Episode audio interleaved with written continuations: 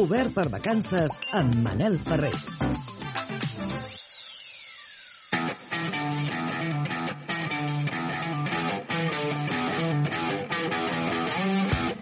10 i 4, què tal? Benvingut de nou a l'Obert per Vacances. Encara una horeta per endavant de contingut en directe d'entreteniment a la teva ràdio local. La bellesa és relativa, diuen, però el que és cert és que als lineals dels supermercats poques vegades podràs trobar una fruita catalogada per alguns com imperfecta.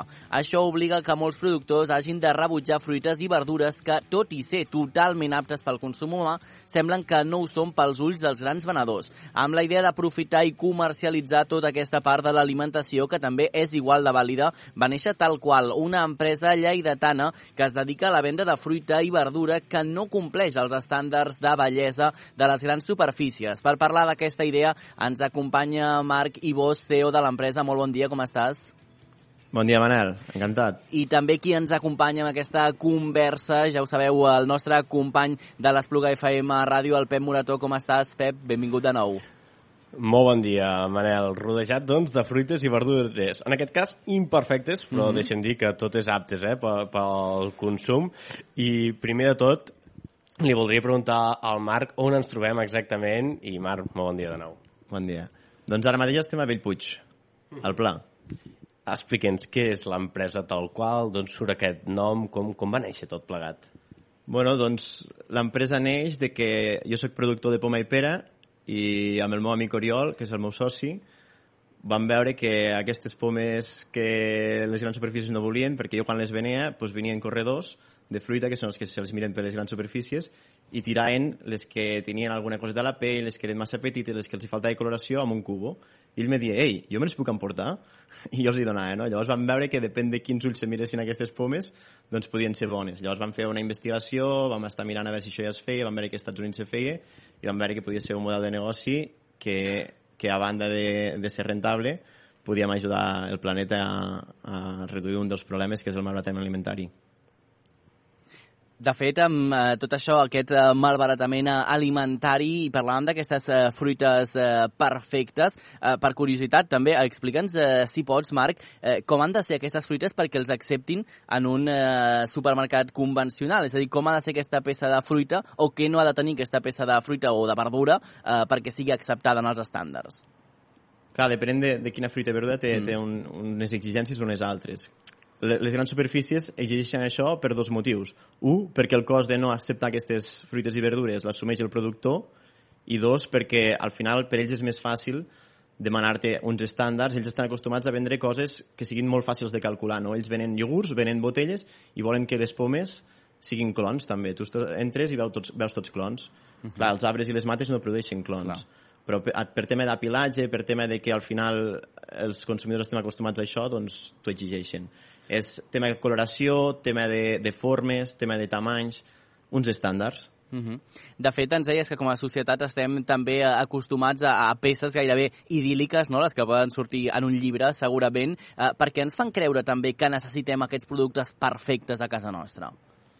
Bueno, és un tema d'educació i és un tema del que t'he dit, que per ells no, no, no, no és cap cost. El cost l'assumeix el productor. El productor, quan té aquest producte, doncs ja està acostumat a llançar-lo. És el que t'explicava abans, nosaltres vam néixer així. El meu pare em deia, aquestes són dolentes. I jo no, no, em no, no preguntava per què eren dolentes, simplement acceptava que eren dolentes. Uh -huh. Però llavors, quan, quan te fas la pregunta de per què, doncs veus que, que les pots aprofitar, que, que al final el, els nostres clients ràpidament van dir, ah, doncs m'encaixa aquesta idea i, i, i me sembla superbé poder-les aprofitar i són igual de bones. És un tema d'educació. Uh -huh. En aquest cas, a quanta fruita barra verdura heu aprofitat durant tots aquests anys? Perquè des del 2020, si no vaig errat, sí. que, que esteu actius, no? Doncs ara mateix, el número no sé exacte, però vam passar la barrera del milió i mig de quilos.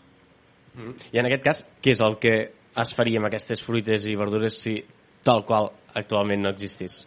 No voldria dir que es llança el 100%, però la majoria de vegades es llança, es llaura o s'aprofita per suc en alguns casos, en els, en els, els més afortunats, però sí, és un desperdici per l'agricultor i, pel, i pel planeta. Uh -huh.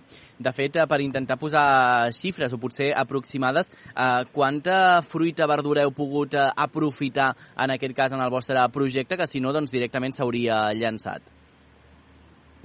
mm, més d'un milió i mig de quilos. Carai. Home, doncs és una quantitat prou, prou important, eh, Pep? Sí, sí, doncs la veritat és, és que sí. I, i uh, tu, Marc, que estàs més aquí al teu dia a dia, quines imperfeccions has vist que, que saltin els ulls o, o tot allò que, que us arriba, que, com ens hem d'imaginar? Bueno, el que els fa més gràcia als clients són les formes estranyes. Quan veus patates en forma de cor o eh, coses tortes... Bueno, si, si entreu a les nostres xarxes socials sempre veureu perquè sempre és el que més explotem, la, les formes estranyes. Després sempre hi ha coloracions, coses a la pell, coses que no, no són tan impactants, però bueno, tot, tot és boníssim. Doncs segur que sí, eh? També per conèixer aquest projecte tal qual, explica'ns també quins altres beneficis eh, té el projecte, a més d'aquest desaprofitament alimentari que ara ens eh, comentaves, eh, també doncs, la tasca que feu amb persones i grups eh, per, per la societat, no? per més enllà del projecte sí. dels productes, què és el que feu? Bueno, nosaltres quan vam crear l'empresa vam dir anem-ho fer bé, no? O sigui, intentem que sigui economia circular, que, que tot vagi acord amb, amb la nostra idea d'ajudar a reduir el malbaratament alimentari. El que vam fer va ser no ficar plàstics, és a dir, tot, totes les caixes i, i tot és, és cartró biodegradable. Després, treballem amb, amb empreses sostenibles d'entregues de, de, també, quan és possible. Per exemple, per Barcelona ens reparteixen en bicicletes, que molta gent de Barcelona sempre ens ho diu, ei, hem vist les vostres caixes en bicicletes. I després, ara fa... Bueno, hem, hem contractat bastantes persones amb risc d'inclusió social i ara també estem eh, col·laborant amb Grupo Sifu, que és una empresa que treballa amb persones amb discapacitat. Uh mhm. -huh. I, bueno, tenim aquesta, aquesta variant d'intentar que tot vagi acord amb la nostra missió. Uh -huh. I com heu arribat a tenir tanta presència a tot allà a la península i també eh, preguntar-te si hi ha aquesta opció d'expandir-vos més enllà, a Europa? Doncs, eh, punt a punt, no? Doncs la, la, hem crescut, suposo, perquè és el que diem, que hem fet una cosa que ha sigut diferent, la gent ho ha acceptat molt, molt ràpid i hem tingut molta presència tant a, a xarxes com els medis de comunicació ens han donat molta veu perquè ha sigut una cosa diferent i va ser efecte dominó. Vam començar amb Radio Targa i, i a poc a poc ens van anar contactant molts medis i hem tingut molta presència. I, clar, la idea és poder acabar anant a altres països. Ja està el nostre roadmap, ho estem, ho estem mirant, ho estem explorant, però com que també nosaltres ho hem fet sense finançament, sempre amb model bootstrapping, que és reinvertir el que estem guanyant, doncs hem anat pas a pas. És a dir, tampoc ens hem els cabells hem fet cap inversió molt, molt, molt gran, però bueno, la idea és poder anar a altres països europeus. Uh -huh. De fet, eh, fa dies, eh, Marc, aquí a l'Obert per Vacances tractem temes també doncs, relacionats amb, eh, aquest, eh, amb aquesta sequera que estem patint eh, aquest any. Eh, de fet, et volíem preguntar també per, per això mateix. Eh, molts pagesos ens han manifestat que hauran de llançar molta part d'aquesta producció perquè la seva fruita no arriba a aquests estàndards que comentàvem. Us heu trobat també amb molt més producte o bé amb pagesos també que us han vingut a buscar interessant-se per al projecte? Sí, Pep. Ai, Pep, Manel, perdó. Mm. Eh, jo, jo sóc pagès i aquest problema el teníem i, i, i estàvem molt assustats. El meu pare, si l'haguessis vist, porta dos mesos traient foc pels queixals. Però al final aquí ha plogut i, i la meva zona justament s'ha salvat bastant i, i, no, i no, no hem tingut aquest problema. Sí que és veritat que tinc algun pagès de cebes que ha hagut de tirar molta part de la producció i, i sí que hem tingut moltes trucades de ei, si tenim el gènere petit ens el comprareu, però al final a la meva zona s'ha salvat bastant. La, el tema de la sequia no, no ha acabat sent el problema que semblava que anava a ser. Mm -hmm. Doncs en aquest cas, més, més bones notícies. Uh, ara, tota aquella gent que ens està escoltant, ja sigui a casa, a la platja, i volen saber on us poden trobar, no us trobaran eh, en cap supermercat, sinó tot és online, com ho han de fer, com funciona el tema de les subscripcions... Doncs és tot online. Nosaltres és entrar a la nostra web, que és talqualfoods.com, o a, a l'Instagram, tal qual, sense res més, i eh, entra a dintre, tot és molt intuïtiu, nosaltres us portem la caixa a casa, teniu diferents caixes per triar, diferents varietats per, per anar, i nosaltres optem pel model de subscripció, també es pot fer de caixa puntual, però te subscrius i et despreocupes. T'arriba la caixa a casa cada setmana o cada dues setmanes i ja no et cal anar al súper a comprar fruita i verdura.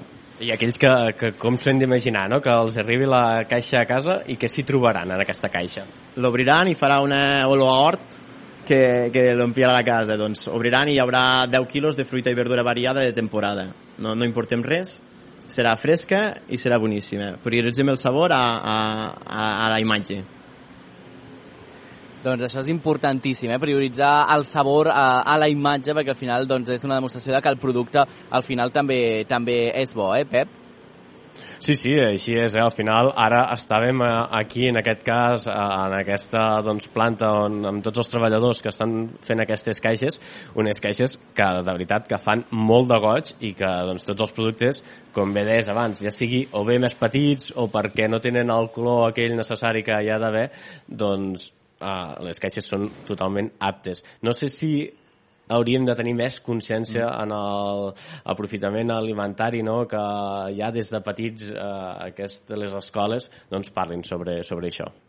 Bueno, ara mateix s'està donant bastanta veu al malbatrament alimentari. Els números són, són bastant, bastant forts. El 33% del que produïm es llança i això pues, si podem ajudar perquè hi ha gent que pateix fam al món i, i nosaltres estem tirant el menjar. Sembla una incoherència per si mateixa no, del ser humà.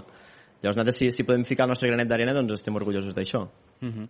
Doncs nosaltres també contents de que ho heu explicat avui també a l'Obert per Vacances. Hem de tancar aquesta connexió, donar-li les gràcies primer de tot al Marc Ibós, eh, CEO de l'empresa tal qual, i esperem que des de l'Obert per Vacances també haguem aportat el nostre granet de sorra per parlar d'aquest desaprofitament alimentari i de la importància que té també a la nostra societat. Gràcies, Marc.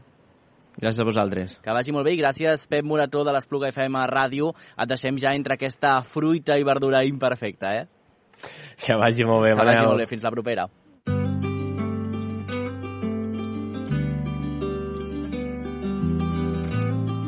Un quart d'onze del matí seguim en directe a l'Obert per vacances i és el moment de descobrir un nou parc de llegenda. El Parc del Montnegre i el corredor situat entre les comarques del Maresme i el Vallès Oriental és un lloc màgic on s'hi amaga una fantàstica llegenda, el diamant del serpent.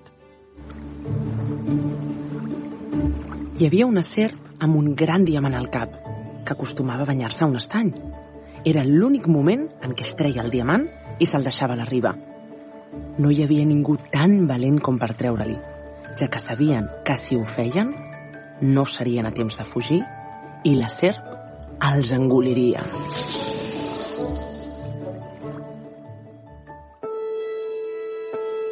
El Daniel Rangil, escriptor i expert en tradició popular, ens compartirà pistes i anècdotes d'aquesta curiosa llegenda que s'explica al voltant del Parc del Montnegre i el Corredor. Benvingut, Daniel. Hola. Daniel, uh, és gaire antiga aquesta llegenda, el diamant del serpent? De fet, uh, la serp deu ser l'ésser mitològic més antic de la humanitat.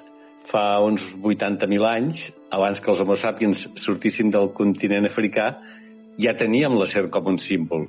I el serpent és una evolució de la serp. En l'imaginari popular, quan les serps arriben als 100 anys, en comptes de morir-se, fan una metamorfosi cap a aquest ésser superior, que és el serpent, que es fa molt més gros, li creix una llarga cavallera al patell, adquireix el do de volar i se li forma el brillant de ser que li dona poders màgics i immortalitat. Per tant, l'origen d'aquesta llegenda es peta la nit dels temps. Pensa que els, els dracs xinesos, que en realitat són serpents, porten les famoses boles de drac que els donen el poder i la immortalitat que és exactament igual que els diamants o brillants de ser dels serpents Clar. catalans. Al, al Japó també també trobem eh, històries d'aquestes. Al segle XIII, Marco Polo explica que en una execució al Japó, a vuit condemnats, no hi havia manera de tallar-los el cap perquè duien un brillant de serp i només quan els hi van prendre els varen poder decapitar. Llavors, que la llegenda s'hagi transmès per via oral en cultures del món tan distants ens indica que té l'origen en un temps molt remot i que el món negre, 12 persones me n'hagin parlat, demostra com de viva ha estat la creença fins al segle XXI. Però quina vinculació té el serpent amb el territori i, amb el parc del que estem parlant avui, amb el Mont Negre i el Corredor? Bueno, podríem dir que eh, indrets tan boscosos com el Mont Negre i el Corredor són el lloc ideal on un serpent pot viure sense ser vist ni trobat i com que hi tenen gorgs, fonts i rieres, troben l'aigua que els és tan indispensable. Eh, I, I si pensem en l'imaginari col·lectiu, eh, en parlaves ara també de, de dracs, eh, parlem de serps, de serpents, són animals en general amb connotacions negatives. És sempre així? O a vegades podem veure aquests animals eh, vinculats a característiques positives? Eh, és que, clar, no podem posar al mateix sac els dracs i els serpents, perquè en origen sí que eren el mateix en els textos i en l'art sumeri i babilònic no hi ha cap diferència, són la mateixa cosa. Però De llavors ençà, el drac evoluciona en negatiu, perquè als poderosos els va molt bé aquesta figura infernal a qui carregar la culpa de tots els desastres naturals, i també els hi va molt bé per glorificar l'heroi Matadracs, que encarna les virtuts que els poderosos volen remarcar, sigui un gran guerrer o sigui un gran sant. El drac ho emmadzina tot. Uh -huh. El serpent porta una vida tranquil·la sense ficar-se amb ningú i només es torna violent quan li prenen el brillant, perquè comporta la pèrdua immediata del poder i la immortalitat. La pèrdua del brillant per al serpent és com l'expulsió del paradís.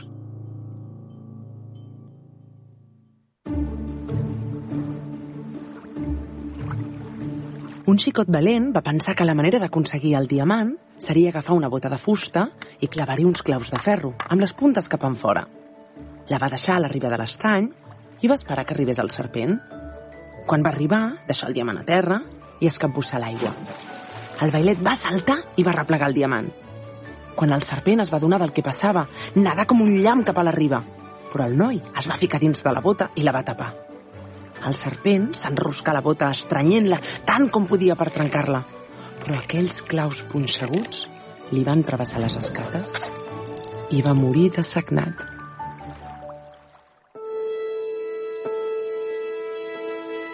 Clar, tot això que expliques sona molt màgic, molt mitològic, però quina part de realitat hi ha d'aquesta llegenda? Uh, veiem, uh, el, el relat del lladre del Villat de Serp és pura ficció. Ara bé, la creença en l'existència de serpents ha estat una realitat molt estesa fins fa quatre dies. Una altra cosa és si el contingut de la creença és real. Jo m'he trobat amb moltes certs i mai n'he vist cap en cavallera, però qui sóc jo per dubtar de la bona gent que m'han dit que les han vistes amb els seus ulls. Jo penso que cal respectar les vivències i les creences de cadascú i prendre la sana precaució de no creure que ets justament tu qui està en possessió de la veritat absoluta. Nosaltres tampoc ho posarem en dubte, eh? Um, parlant ara de l'heroi, ara que hem escoltat la llegenda completa, en qui s'inspira? No sé si agafa potser algun personatge local per construir aquesta història? Clar, és que més que un heroi, el protagonista d'aquesta llegenda jo el veig com un antiheroi. És un, és un bailet de família pobra que es troba al serpent quan va collir branquillons pel bosc perquè ni llenya tenen a casa seva per escalfar-se i és la fam allò que li fa esmolar l'enginy per obtenir el diamant que els pot treure de la misèria. No té res a veure amb els herois matadracs, cavallers de casa bona, cavalcant imponents cavalls, empunyant espases màgiques, que apareixen per salvar princeses quan el drac ja s'ha cruspit mig poble. És a dir, s'inspira, doncs, com que és un antiheroi, doncs s'inspira amb, amb la gent normal i corrent. Daniel, com ha arribat aquesta llegenda a la gent que viu als voltants del parc? Durant segles, tant aquesta llegenda com la creença en serpents es transmet per via oral. Tenim un text literari del segle XIV que ens parla d'un drac al món negre, però els relats de serpents sempre s'havien transmès només per via oral. Ara sí que ja no és imprescindible que t'ho expliquin els avis per saber-la perquè ho pots llegir el llibre Històries i llegendes de l'any 8, però en allà em vaig limitar a transcriure al peu de la lletra el que em van explicar la gent del món negre, perquè considerava que ara que la transmissió oral ja ha deixat de funcionar bastant, doncs no es podia perdre eh, històries com aquesta sens dubte no es podien perdre llegendes com aquestes que ens transmeten les pors humanes i que ens ensenyen que els valents són els que es converteixen en herois o, com ara tu ens deies, en antiherois. I com hem vist en aquesta llegenda, la valentia del bailet és recompensada en aquest cas. L'ànima d'aquest antiheroi deixa la seva empremta en aquest parc de llegenda, que és el Parc del Montnegre i el Corredor.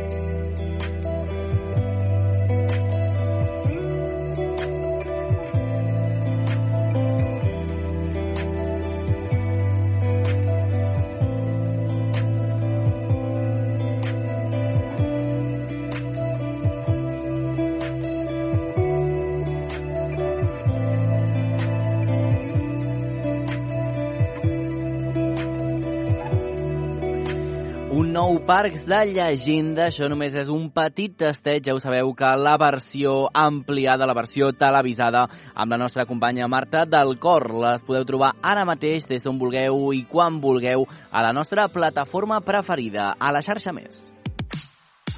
Obert per vacances. Busca'ns a la teva ràdio local.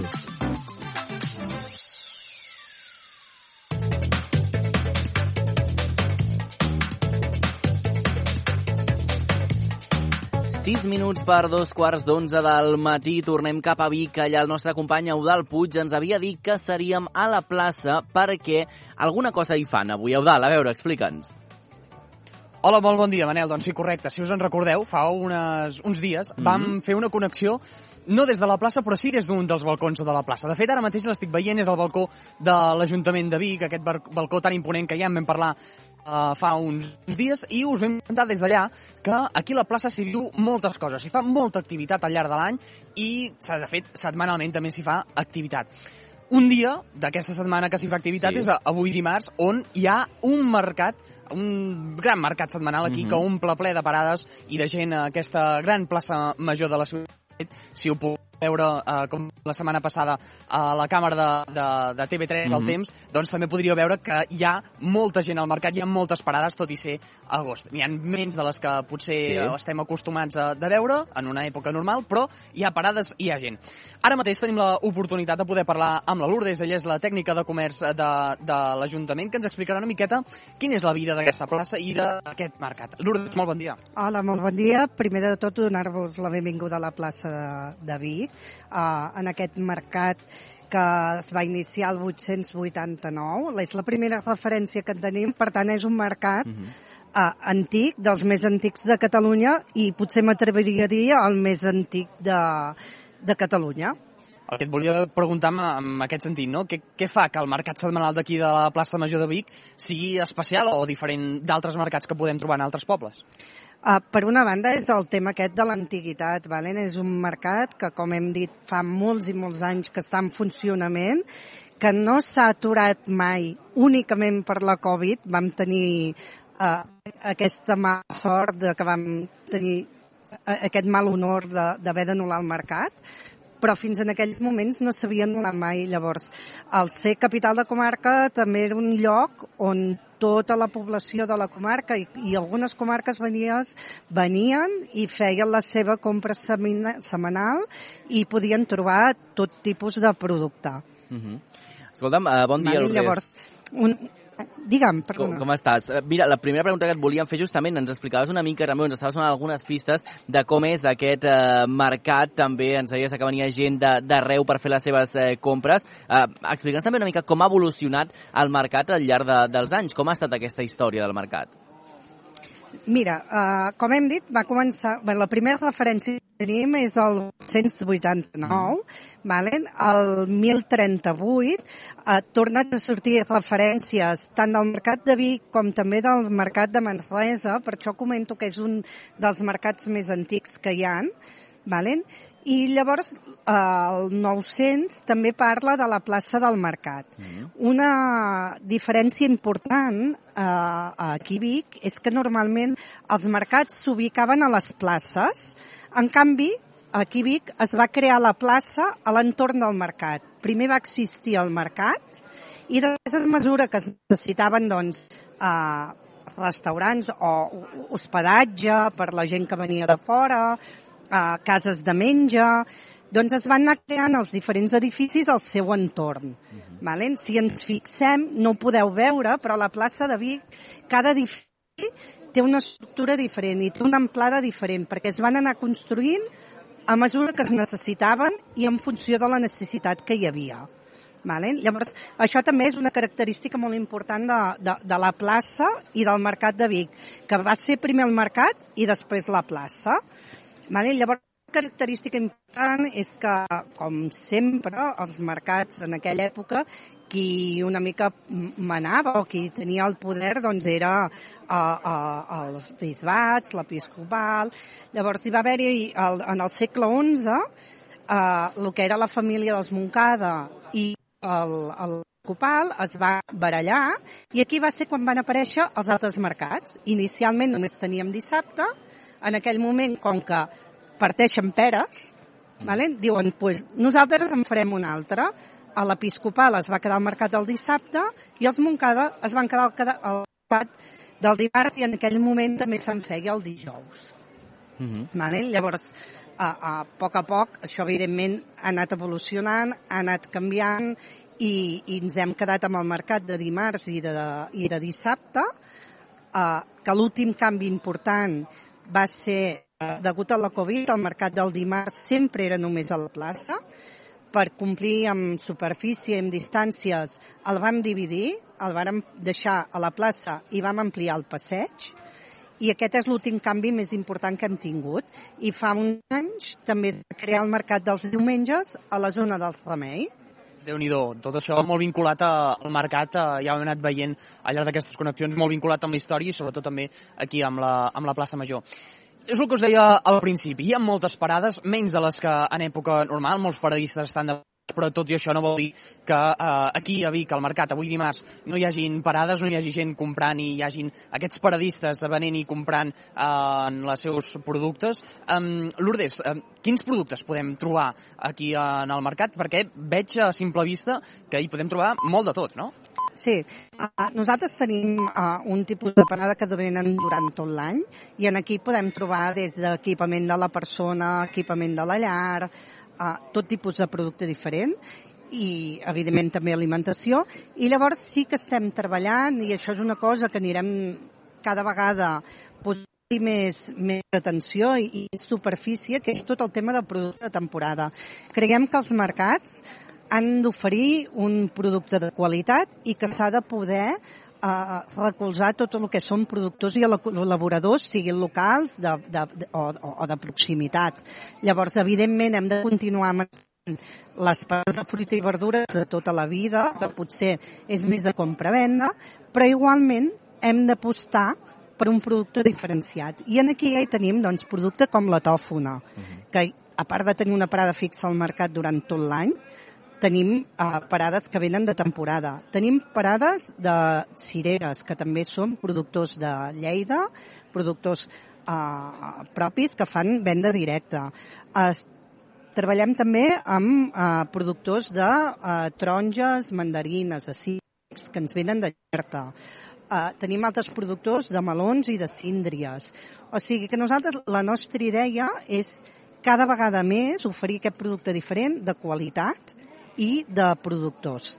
Uh -huh. uh, properament, aquesta tardor, uh, s'obrirà un concurs, perquè tot això està regulat per llei, vale? en el qual sí podran presentar totes aquelles persones que estiguin disposades a venir i en aquí obrirem altre ventall de productes com per exemple estem treballant en temes de cafè en temes de bolets eh, cultivats amb, amb altres productes que actualment encara no tenim en el mercat, però que sí que volem que puguin tenir aquest espai. Mm -hmm. Lourdes, ens deia el nostre company Eudal al principi que avui hi ha eh, menys parades del que és habitual perquè estem a, a l'agost, al mig de, del mes d'agost, eh, però quantes parades acostumen a haver en aquest eh, mercat? I no sé si, si és eh, lo habitual, que quan eh, arriben potser setmanes de vacances, eh, doncs que també canvien el nombre de, de parades o també de l'èpoques de, de l'any. Mira, sí. Uh, tenim parades diferents, el que és el dimarts dissabte, sempre que parlem d'aquí, als mercats d'aquí a plaça, valen? Uh, el dissabte és un mercat molt més gran, és totalment evident, podem tenir molta més gent d'assistència, perquè hi ha menys gent que treballa i té molta més disponibilitat, a part que aquí a la comarca hi ha molta tradició de dir dissabte anem a mercat a plaça. Vale? Llavors parlarem d'unes 200 parades aproximadament el dissabte val? entre plaça i passeig i Rambla del Carme. I el dimarts, el dimarts tenim un 120. És veritat que el dimarts hem tingut una davallada, igual que a la resta de mercats de Catalunya, uh, després de la Covid. Amb el tema del Covid va haver-hi bastants marxants que es van voler jubilar. Valen? Els mercats entre setmanes estan costant perquè la gent cada vegada poder venir al mercat el dimarts al matí ens és difícil. El que sí que sabem és que quan es pot venir, venen. Per tant, el que hem de fer és entre tots pensar de quina manera podem doncs, anar modificant i anar millorant aquest servei perquè ells també puguin, puguin viure. Vale? el tema vacances, en parlàvem abans, sí i és veritat que aquí hi havia molta tradició que el mes d'agost es fes vacances perquè es buidava Vic i, i, i ells aprofitaven, però ens estem trobant que per una banda cada vegada la gent espaia més les vacances, no és tan uh, uh, no es buida tant la ciutat i que cada vegada tenim més turista. Llavors segurament això anirà canviant. Ara ens ho comentava la Lourdes de que eh, la gent de tota la comarca sap que si vol trobar una cosa eh, ha de vindre aquí a la plaça Major de Vic perquè ho trobarà, si quasi no segur, de, de, de ben segur gairebé. Això gairebé també fa que eh, senti, no?, una miqueta al mercat. Sí, pensem que no és només el mercat, sinó que el comerç entre ells es complementa. Llavors tu saps que vens d'aquí Vic, si no ho trobes en una parada del mercat, probablement ho trobaràs en una botiga. Llavors, assegures el tret, com si diguéssim, vens aquí Vic perquè saps que ho trobaràs. A part d'això, també hem de pensar que tenim eh, aquí marxants de molt antics. Tenim algun marxant de famílies, vale? llavors que es coneixen, que hi ha tota una tradició, que tenen els seus clients fixes, que els hi poden fer comandes, que ho venen a buscar l'any demà, uh, l'any demà, la setmana següent, i, i, i jo crec que això fa aquesta, a, a, a, aquesta, aquest seguiment que han tingut els marxants eh, que la gent vingui i, i, i, i tenti confiança per poder, per poder venir a comprar aquí. Déu nhi uh, Manel, ja ho veus, aquí hi ha molta, molta activitat, hi ha molta gent. De fet, no sé si escolteu de fons sí, sí, que hi ha sí. música en el, en el és que hi ha diferents músics que estan uh, tocant els seus instruments. I ara, si us sembla, doncs tenim l'oportunitat, està enfeinat, però mirarem de molestar-lo un momentet. Ell és en Joan, que és un paradista d'aquí de, del mercat. Joan, molt bon dia. En Pep, perdó. Pep, molt bon dia. Bon dia. Veig que estàs enfeinat, eh? Ves fent, eh? Sí, sí. sí. Escolta, uh, molta feina en el mercat, què? Sí, ara aquest mes ve molta gent de fora i sí, es, es treballa, es treballa, es treballa. Tant avui com el dissabte com el diumenge, els tres mercats es treballa bé. Feina i vol dir que és bona senyal, eh? Sí, sí, sí, mm -hmm. bona senyal, bona senyal que es vegi venent. I tu estàs tot l'any aquí al, al mercat o vens de tant en tant? No, estem tot l'any, tot l'any, tot l'any. Tot l'any fem els tres mercats. Fix. Durant l'entrevista que ara comentàvem, eh, dèiem que durant l'agost era quan potser hi havia menys parades, però la gent quan acostuma a venir més aquí a la parada? Bueno, ara és molta gent de fora aquest mes, però a partir del setembre després ja és la gent el, el client de, de sempre. Cada mercat tenim una clientela bastant fixa i cada mercat té la seva clientela, però ja és més, més fixa. És aquest mes que ve més gent de fora. Nosaltres ara perquè ho veiem, però des de casa, els de la ràdio, mm -hmm. eh, aquesta parada és de fruita i verdures, eh? Sí, mm -hmm. sí, sí. Quin tipus d'aliments teniu? Fruites, verdures, d'on venen? Sempre mirem de fer de proximitat, però que no hi és de proximitat després ens hem estrenent cap a fora. Però ara quasi tot és d'aquí de, de proximitat. Teniu ous, mel, veig que també teniu raïm, déu nhi figues també, producte de temporada i producte també d'aquí de, de casa, eh? Sí, exacte. Tot el que són tomàquets, tot el que és la verdura, tot això, tot, tot és d'aquí. Totes coses així. Manel, no sé si tens alguna pregunta, que deies alguna cosa. Sí, no, preguntar-li, ja que estàvem amb el Pep, que ens deies que ven eh, fruita i verdura, preguntar-li quina és la fruita que creu ell que més s'està venent aquest estiu. La fruita que més es ven d'aquest estiu, quin és? Préssec. El préssec. Préssec, ara que feia molta calor, bueno, fa molt calor, es ven molt, molt síndria, el que es ven més són préssecs, perquè hi ha molta varietat de préssec. Però quan fa molta calor és la síndria. El que uh -huh. guanya, el que domina és la síndria sí. fresc, eh? Sí, sí, sí. Molt bé. Escolta'm, eh, per gairebé acabar, eh, Eudal, vas molt tu al mercat o no? Mira, vaig poc, però, però que puc intento passar Jo, de fet, eh, no sóc d'aquí, de, de la capital, sóc mm. eh, d'un poble de, del costat i sempre que és diumenge, fan el matí allà al mercat, intento passar-m'hi. Molt bé, fas, fas molt bé. Eudal, no sé si hi ha alguna coseta més que no ens puguem perdre d'aquest mercat que ens vulguis eh, explicar abans d'acomiadar-te. Mira, el que no us podeu perdre és que vingueu aquí a Vic un dia de mercat, que Perfecte. vingueu a gaudir de la seva història, de la seva vida i que pugueu vindre a gaudir de, del mercat i de, de la ciutat de Vic. Molt bé, doncs no ens ho perdrem. Gràcies a Eudal, Lourdes i Pep per atendre'ns avui en aquest matí frenètic. De fet, m'he connectat ara a Eudal a, a la càmera del temps de, de TV3 per veure realment doncs, l'activitat de, del mercat. I és veritat que són les parades i, a més, eh, sembla que fa prou bon temps, no, Eudal, avui a Vic? Sí, la veritat que de moment ara mateix està aguantant força, és un cel radiant, sense mm. absolutament cap núvol. El sol no està picant gaire perquè hi ha bastantes zones a molta, però de moment ara matí s'està aguantant, ja veurem al llarg del dia. Doncs eh, veurem, eh? 22 eh, graus a, Vic, per tant, si està prou bé comparat amb altres sí. eh, temperatures eh, d'arreu de, de Catalunya. Eudal, moltes gràcies, fins demà. Que vagi bé, que vagi fins demà, bé, adéu. adéu.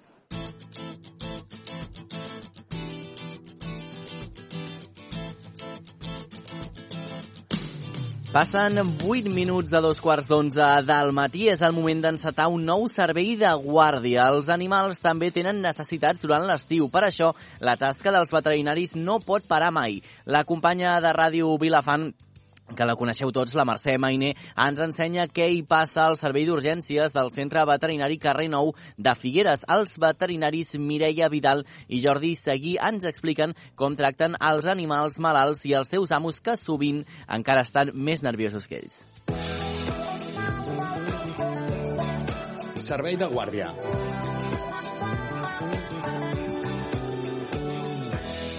Avui estic al quiròfan, però no un quiròfan eh, de persones, sinó un quiròfan que cura i ens ajuda a mantenir doncs, la salut dels nostres peluts, els nostres amics de, de quatre potes, les nostres mascotes, gats, gossos i no sé si algun animal més. Avui, en aquest espai de guàrdia, hem volgut saber doncs, com són les guàrdies d'una clínica veterinària, per això em trobo al Centre Veterinari Carrer Nou, m'acompanyen doncs, els seus veterinaris, la, la Mireia Vidal i en Jordi Seguí. Eh, gràcies per obrir-nos les portes de la clínica. Hola, bona tarda. Bones, bones. Uh, expliquem una miqueta. Uh, les guàrdies, com ens les hem d'imaginar, una guàrdia uh, d'una clínica veterinària com la vostra? A veure, nosaltres tenim un telèfon d'urgències, uh, està encès de les 8 del matí a les 11 de la nit. Uh, només estem presencialment dins de l'horari de consulta, llavors si hi ha una urgència fora de l'horari que tenim obert, ens han de trucar Llavors ens expliquen quin és el problema, si el podem solucionar per telèfon, el solucionem, si no, quedem a una hora i ens, ens trobem aquí a la clínica. Clar, eh, jo deia al principi, gossos, gats, eh, algun altre animal així... Eh, quin és l'animal més estrany que heu hagut d'atendre en, en una guàrdia? A veure, estranys hi ha, hi ha de tots, des de gent que vol fer urgències per gavines a conills i fures. Clar, si, si troben a la Viviana, conills i fures, cap problema, perquè és la seva especialitat. Si ens troben els altres, depèn del que sigui, intentem mirar de trucar-la i depèn del que sigui els hem d'enviar a Girona, perquè nosaltres no, no en sabem prou com per atendre un animal que realment li està passant alguna cosa. Clar, a, a nivell d'èpoques, no? Uh, hi ha alguna època que hi hagi més urgències que hagueu de dir, ostres, doncs és que uh, aquest mes segur que ens trucaran cada dia? Bueno, sobretot nosaltres de setembre a febrer, març, és quan més urgències fem, eh, perquè toquem bastant de gossos de cacera. Vale? Llavors aquesta temporada és la temporada de caça i si no és una colla és l'altra la que té la desgràcia de que algun gos haguem de cosir. Vale? A l'estiu són més urgències de, de gent que li ha passigat una vella al gos o s'ha menjat un am o coses més així normals, entre cometes. Clar, així hi ha diferència entre les urgències d'estiu i les urgències d'hivern? Uh, sí, sí, són diferents. Uh, I hivern sol ser més el que t'estava comentant, gossos de cacera o així, que s'han ferit, que de seguida que veuen que el gos està malament, ens truquen, mira, que tinc tanta estona per venir. Llavors tu agafes amb calma, vens, prepares tot i quan ells venen ja entra i ja està. I estiu moltes vegades la gent no ho sap i, i venen i és que estic a la porta. I dius, vale, un moment, ara preparo i vinc. Llavors arribes aquí i has de mirar què té l'animal, preparar-ho tot, i a més o menys quan vas vinguent ja, per que t'han explicat, ja, ja tens les coses en ment, però clar, ja les has de buscar, has de ficar-ho, és diferent. Alguna anècdota, allò estant de guàrdia, eh, que, que us hagueu trobat, eh, alguna anècdota simpàtica, dius, ostres, mm, pensava que la nit aniria així i ha acabat anant d'una manera bastant diferent? A vegades d'aquesta gent que truques i dius, vale, aquest, aquest uh, el soluciono. Truca un altre, el soluciono. Truca un altre, que ja s'han fet les 10 i alguna cosa, vale, aquest haig d'anar. Llavors acabes que, que no has fet res en tot el dia perquè no ha fet falta o no ha trucat ningú i a les 10 de la nit has de venir perquè eh, li ha entrat una espiga a l'ull amb un gos i llavors, clar, l'espiga l'ull l'has de treure, no la pot deixar fins l'endemà al matí, perquè, a veure, aquesta ferida va fent mal, el gos va rascant a l'ull, s'hi va fent mal, i una cosa que en un moment la tens treta i en una setmana la tens curada, se't pot complicar bastant. Què és uh, el pitjor que heu hagut de tractar amb una guàrdia? Allò que diguis, ostres... Uh, Funcions d'estómac. Funcions d'estómac, això què és, pels que no hi entenem? Bueno, se'ls gira l'estómac als gossos, sobretot gossos de raça gran, i és una urgència, urgència. I el problema és que has de ser com a mínim dos veterinaris. i això ho dificulta moltíssim perquè ja no és la guàrdia d'un veterinari sinó que són dos i a més s'ha de fer ràpid i el pronòstic no és gaire bo si fa molta estona Clar, entenc que el més fàcil són els animals eh, i els amos no tant. No sé si, si esteu d'acord o no. Perquè, clar, no només heu de tractar amb els gossos, els gats i aquest, aquests animals diferents que comentava la Mireia, sinó també doncs, amb les persones que, que els porten. No sé com és això del tracte amb l'amo, perquè, clar, el, el, el metge al pacient li pot preguntar coses i el pacient li pot respondre, dir la veritat o, la, o una mentida, però en el cas d'un gos és molt difícil, no? A veure, hi ha de tot. Hi ha gent que és molt aprensiva, hi ha gent que es posa molt nerviosa quan té una urgència, però, a veure, en principi la urgència la té el gos. El propietari el que ha d'entendre és que ens ha de deixar fer la feina i a partir d'aquí, doncs, serà el que hagi de ser. Però la recomanació, doncs, Mireia, tu deies, no? trucar uh, abans d'arribar a la porta, no? I, I què més recomanaries? Uh, una mica de calma, perquè moltes vegades, sobretot quan els gossos s'han fet ferides, mm, sobretot potes, orelles, nas, sagna molt, però realment no és important, són talls petits. Llavors, a vegades el que ens passa és això, que la gent està molt nerviosa perquè l'animal s'ha fet mal i arribes aquí el propietari està que no, que no sap on està i el gos està tan tranquil, perquè realment la ferida és, és poqueta, vale? llavors és, és el que deia en Jordi, eh, calmar-se i, i llavors anar, anar fent nosaltres el que, el que s'hagi de fer. Eh, a vegades, ja et dic, són ferides molt petitones, que la que fas una mica de compressió ja, ja està, ja paren. Inclús a vegades el que és bastant, bastant aprensiu pel propietari són els atacs epilèptics. Eh, realment, quan tu veus un animal que està tenint un atac epilèptic és molt espectacular, però és que el temps que ells tenen de trucar-los i arribar a la clínica, l'animal ja no presenta símptomes. Llavors, és, és difícil en aquest cas, quan hi ha un sol atac epilèptic, actuar perquè el problema ja hi és, però no té tractament instantani. Doncs això, eh? ens, ens, ens apuntem aquests consells que ens heu fet. Us agraïm moltíssim, Jordi i Mireia. Us deixem que continueu aquí eh, suturant, cosint, fent el que hagueu de fer amb els vostres pacients peluts i també tractant amb, amb els amos. Moltíssimes gràcies. A vosaltres. Igualment, a vosaltres. Servei de guàrdia.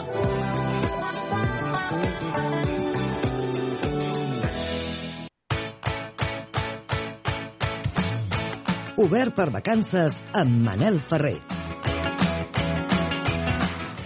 3 quarts i un minut d'onze del matí seguim a l'Obert per vacances. És el moment de repassar la nostra agenda cultural d'arreu de Catalunya amb la col·laboració, com sempre, del nostre company Àlex Riba. Com estàs? Bon dia. Bon dia, Manel. Ja sóc aquí, eh? Preparat amb un bon grapat de propostes. Molt bé, doncs escolta'm, per on comencem? Com arrenquem? Mira, comencem amb un cicle anomenat Nits musicals de la Brufaganya. Com bé ja saps, Tarragona celebrava dissabte mm -hmm. la seva festa major de Sant Magí. Doncs aquesta iniciativa té lloc al convent en honor a aquest sant, que òbviament es troba a la Brufaganya. Encara resten dos concerts disponibles. El primer tindrà lloc demà a dos quarts de deu i anirà a càrrec del cor de la cambra del Palau de la Música Catalana, en Xavier Puig com a director. El grup artístic interpretarà, interpretarà perdó, un cançoner popular contemporani. Doncs eh, interessant proposta. Has dit que eren eh, dos concerts, eh? Quan tindrà lloc el darrer? El darrer tindrà lloc el 9 de setembre i en aquesta ocasió anirà a càrrec de l'Orquestra de Cambra de Terrassa 48 uh -huh. en Polifònica de Vilafranca. Les entrades per a les dues actuacions es poden adquirir per 23 euros a través de la pàgina web del cicle. Molt bé, doncs una proposta molt interessant, eh, bona música i a més amb un molt bon ambient. Què més ens proposes avui? Com bé saps, Manel, Roses i Besalú acullen aquests dies un gran espectacle circense. Es tracta de les nits de circ, una combinació d'actuacions amb artistes internacionals a ser obert, uh -huh. eh, de manera que l'espectador pot observar les estrelles eh, al fons, convertint així l'experiència en pura màgia. El director de la iniciativa, Genís Matabosc, ens va explicar a l'Obert per Vacances del divendres que un dels seus objectius és lluitar contra l'estigma, aquest estigma de que el circ és un espectacle vulgar per a infants. L'ADN de la nostra fundació, de Circus Arts Foundation, és proposar en totes les nostres produccions, que més enllà de nits de circ hi ha també el Gran Circ de Nadal de Girona i el Festival Internacional del Circ Elefant d'Or, un circ d'altíssima qualitat que pretén trencar estigmes, és a dir, eh, que el circ no només és per nens, sinó que quan es fa en primeríssim nivell és fins i tot l'adult que més en gaudeix, i eh, que el circ doncs, té realment una elevadíssima qualitat i que res té a envejar doncs, de la millor òpera o el millor concert que puguin existir. Si encara no heu tingut l'oportunitat d'assistir a una de les actuacions, esteu de sort, perquè resten tres sessions fins al dimecres. Totes elles tenen lloc a dos quarts de 10 a Roses, i les entrades tenen un preu d'entre 19 i 44 euros. Doncs si voleu a més, eh, ho pensava ara ampliar la informació al voltant d'aquest esdeveniment, recupereu l'entrevista que li vam fer al Genís Matabosc en el programa del passat divendres, juntament amb la nostra companya Mercè Mainé. I d'altra banda, Àlex, com podem acabar d'arrodonir aquesta agenda de luxe d'aquest dimarts? Podem fer-ho amb l'exposició anomenada Exercicis de Resistència. No sé si tu ets molt revolucionari, Manel. Mm -hmm. uh, no sabria què dir-te d'aquest moment. Jo crec que depèn del dia de, de la setmana. Tu, Àlex, sí, ets, tens revolucionari? Tens revolució a les teves venes? Bueno, jo crec que una miqueta sí, eh? tinc algun punt. Molt bé. bueno, doncs eh, us recomanem aquesta exposició anomenada Exercicis de Resistència, mm -hmm. disponible al Centre d'Arts al Mèdul de Tarragona. Es tracta d'un recull de vídeos, fotografies, instal·lacions i maquetes d'algunes de les accions que ha dut a terme l'associació Caldo de Cultivo, un grup que dona suport a col·lectius socials assetjats pel poder, pel poder eh, d'arreu del món. Mm -hmm. Per tant, si voleu conèixer alguns exercicis de resistència per part d'aquests extractes socials, aquests que han estat tan castigats, doncs no dubteu a visitar l'exposició a la Casa Canals de Tarragona. Molt bé, doncs acabarem amb aires de resistència i també de revolució i com podem, sobretot important, eh, adquirir aquestes entrades. No hi ha excuses perquè l'entrada és lliure. Per Molt tant, bé. hi, ha, hi hem d'anar sí o sí. Home, a mi m'encanten aquestes propostes, a més si són gratuïtes, eh, Àlex, no? també hem de- d'invertir, eh? en, lògicament, en gastar en cultura, però escolta, hi ha vegades propostes gratuïtes que són molt i molt interessants, com aquesta que ens explicaves avui. Exacte. I mira, si em preguntaràs amb quin em quedo, Exacte, doncs ja sí, t'ho sí. avanço, A Manel. veure. Em quedo amb, amb el circ, les nits de circ. Amb el circ, doncs jo diria que també. Mira, hi podríem anar junts, Àlex, en aquest eh, pla. Què et sembla? pues agafo l'AVE ja mateix. Molt bé, gràcies, Àlex. Fins demà. Fins demà. Que vagi bé.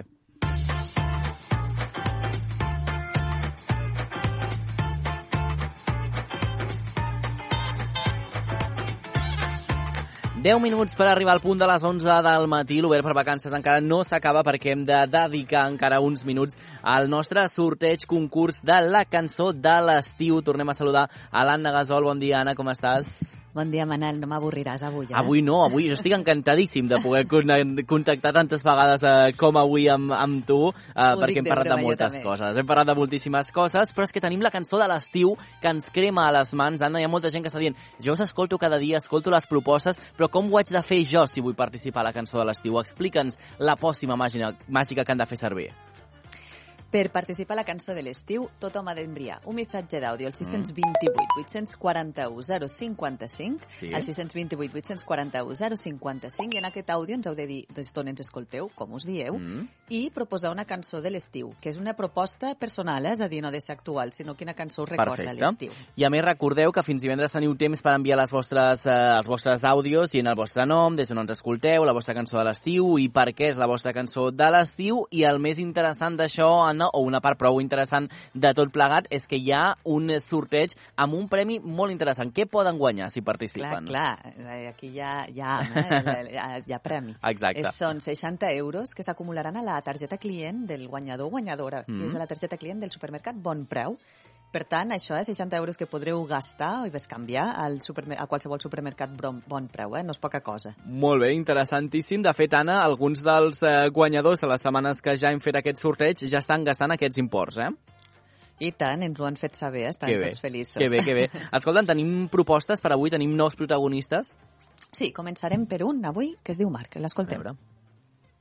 Hola, bon dia, sóc el Marc del Prat de Llobregat i la cançó que us vull recomanar avui és la cançó de Vagabundo de Sebastián Yatra, que és una cançó superxula que ha sortit a més a més aquest estiu i que des del moment en què va sortir el meu grup d'amics i a mi doncs ens encanta ballar-la, ens encanta cantar-la perquè a més té una lletra superfàcil i que enganxa molt i que et venen moltíssimes ganes, sobretot quan vas a festivals, quan estàs de festa, quan estàs al xiringuito, a casa, a tot arreu, doncs et ve de gust eh, escoltar-la i ballar-la. Gràcies. Home, gràcies a tu, Marc. És meravellosa aquesta proposta, Anna. T'agrada tu o no? Jo no sóc tant de Sebastián Yatra, però bueno, no està mal. Eh? A mi De m'encanta és, Sebastián de Yatra. Sí, sí, és. exacte, sí, sí, este Chiringuito és De una guingueta, cançó... de exacte, de guingueta. de guingueta. Exacte. És una cançó, és veritat, d'estiu, és a dir, que l'escoltes, potser a casa no te la posaries, però te la posen, no?, en una guingueta, en un xiringuito malament dit, eh, doncs la balles, no?, i, i anima, no? I sí, sí, a ballar. sí, sí. Escolta'm, jo et volia a propòsit que del Sebastián Yatra és un dels que guanyarien, és a dir, estarien Segur. dalt del rànquing, eh, dels més demanats, però aviam, aviam quina diries que és la cançó més demanada? És una pregunta fàcil, eh, Manel? Um, home, jo crec que tenim els detallets deuen portar la, la majoria amb bastanta diferència. Detallets s'emporten la palma. La palma, sí, sí, sí, sí. I dins de detallets, què diries? Uh, home, coti per coti. Fixa que és una cançó que al principi del programa li tenia com molt de carinyo i ara cada cop que escolto coti per coti si us plau, uh, que algú tiri una gerra d'aigua a aquest altaveu, però ens agrada molt que ens la proposeu, eh? però és veritat que l'he acabat com avorrint. Em va passar una mica amb l'efecte aquest del Despacito, no? que al principi em feia com Sí. molta gràcia i va haver un moment que vaig dir, mira, escolta, ja no anem Despacito, ja anem corrents directament fugint de Luis Fonsi. A mi m'ha passat una mica el mateix, eh? i penso potser el, el tècnic, el Marçal, el nostre, el nostre també pot ser. Eh? Mm, També exacte, sí, sí. mateix. sí, sí. Uh, bueno, molt diverses, jo també ho entenc. Escolta, la gent, uh, demanem quina és la teva preferida, si la teva preferida és Coti per Coti, doncs escolta, és la que és i ja ens agrada, ja ens agrada, sí, sí. Jo tinc una altra eh, proposta per Sí? ara, però abans volia recordar que demà tornem a tenir dia de sorteig. Ah, clar, sí, sí. Demà tenim sorteig perquè demà és dimecres, el que estarem sortejant són dues entrades per anar al Saló del Manga el Mhm. proper divendres 8 de desembre. I què és el que han de fer, Anna, per participar? Recordem el número, us- l'heu de, de tenir ja guardat Exacte. a l'agenda eh, del telèfon, aquest 628 841 055, el 628 841 055, Mhm. i de nou eh, us presenteu per saber amb qui, amb qui parlem. Molt bé. I ens heu de dir qui és el vostre personatge preferit de la temporada 1 de l'Espai Z que trobareu a la millor plataforma, Total. que és el xarxa més. Exacte, a la xarxa més podeu trobar els primers eh, els episodis de la primera temporada de l'Espai Z i escollir el vostre personatge preferit i explicar-nos el per què al 628 841 055, 628 841 055 i fins demà esteu encara a temps a poder participar en el concurs d'aquesta setmana. Anna, em deies que tenim una proposta més encara de la cançó de l'estiu. Mm -hmm. Atent. A veure. Hola, bon dia. Soc la Yolanda de Ries i Viabrea. La meva cançó de l'estiu és Living la vida loca, del Ricky Martin. Adéu, bon dia. Bon, Ricky Martin, eh, és una fantasia. Ara podria dir, Anna, és de la teva època, Ricky Martin, no? I em diries, mira, xato, marxa cap a casa ja directament. Però escolta'm, jo crec que Ricky no, Martin és Ricky d'aquells... Martin s'hi atansa més. Sí. Exacte, Mira, jo crec que- diré, et diré, jo vaig fer la Sí? comunió Sí? i em van regalar un disc del Ricky Martin. Ah, pensava que havia vingut a la recordo. teva comunió Ricky Martin i dic, mare meva, però de quina família és directament Anna Gasol que com a show principal de la comunió estava Ricky Martin allà, no? Seria un gran Hauria regal. estat bé, eh? Hauria estat molt bé. Veus, justament, Anna, jo crec que és un d'aquells uh, personatges o cantants que aglomera com, com moltes generacions, no? Perquè a mi, per exemple, em digués la meva mare, anem a un concurs o a un concert de Ricky Martin, i aniria, l'acompanyaria, no m'importaria. Això sí, jo també hi ballaria molt, eh? I a més, disculpa, està com un tren, eh? Això és una opinió personal meva, mm, però ja va, ja va afegida. compartida. Exacte, sí, sí. Jo crec que per molta gent no som els primers que ens hem donat compte de, de tot plegat. Doncs va aquesta proposta també a la suma de la cançó de l'estiu. Anna Gasol, moltes gràcies per la feina feta avui, que no ha estat poca. Una abraçada. Que vagi molt bé i gràcies a vosaltres també per acompanyar-nos. Tornem demà puntuals quan passin 4 minuts de les 9 del matí. Gràcies per acompanyar-nos a l'Obert per Vacances i per escoltar la vostra ràdio local. Fins demà.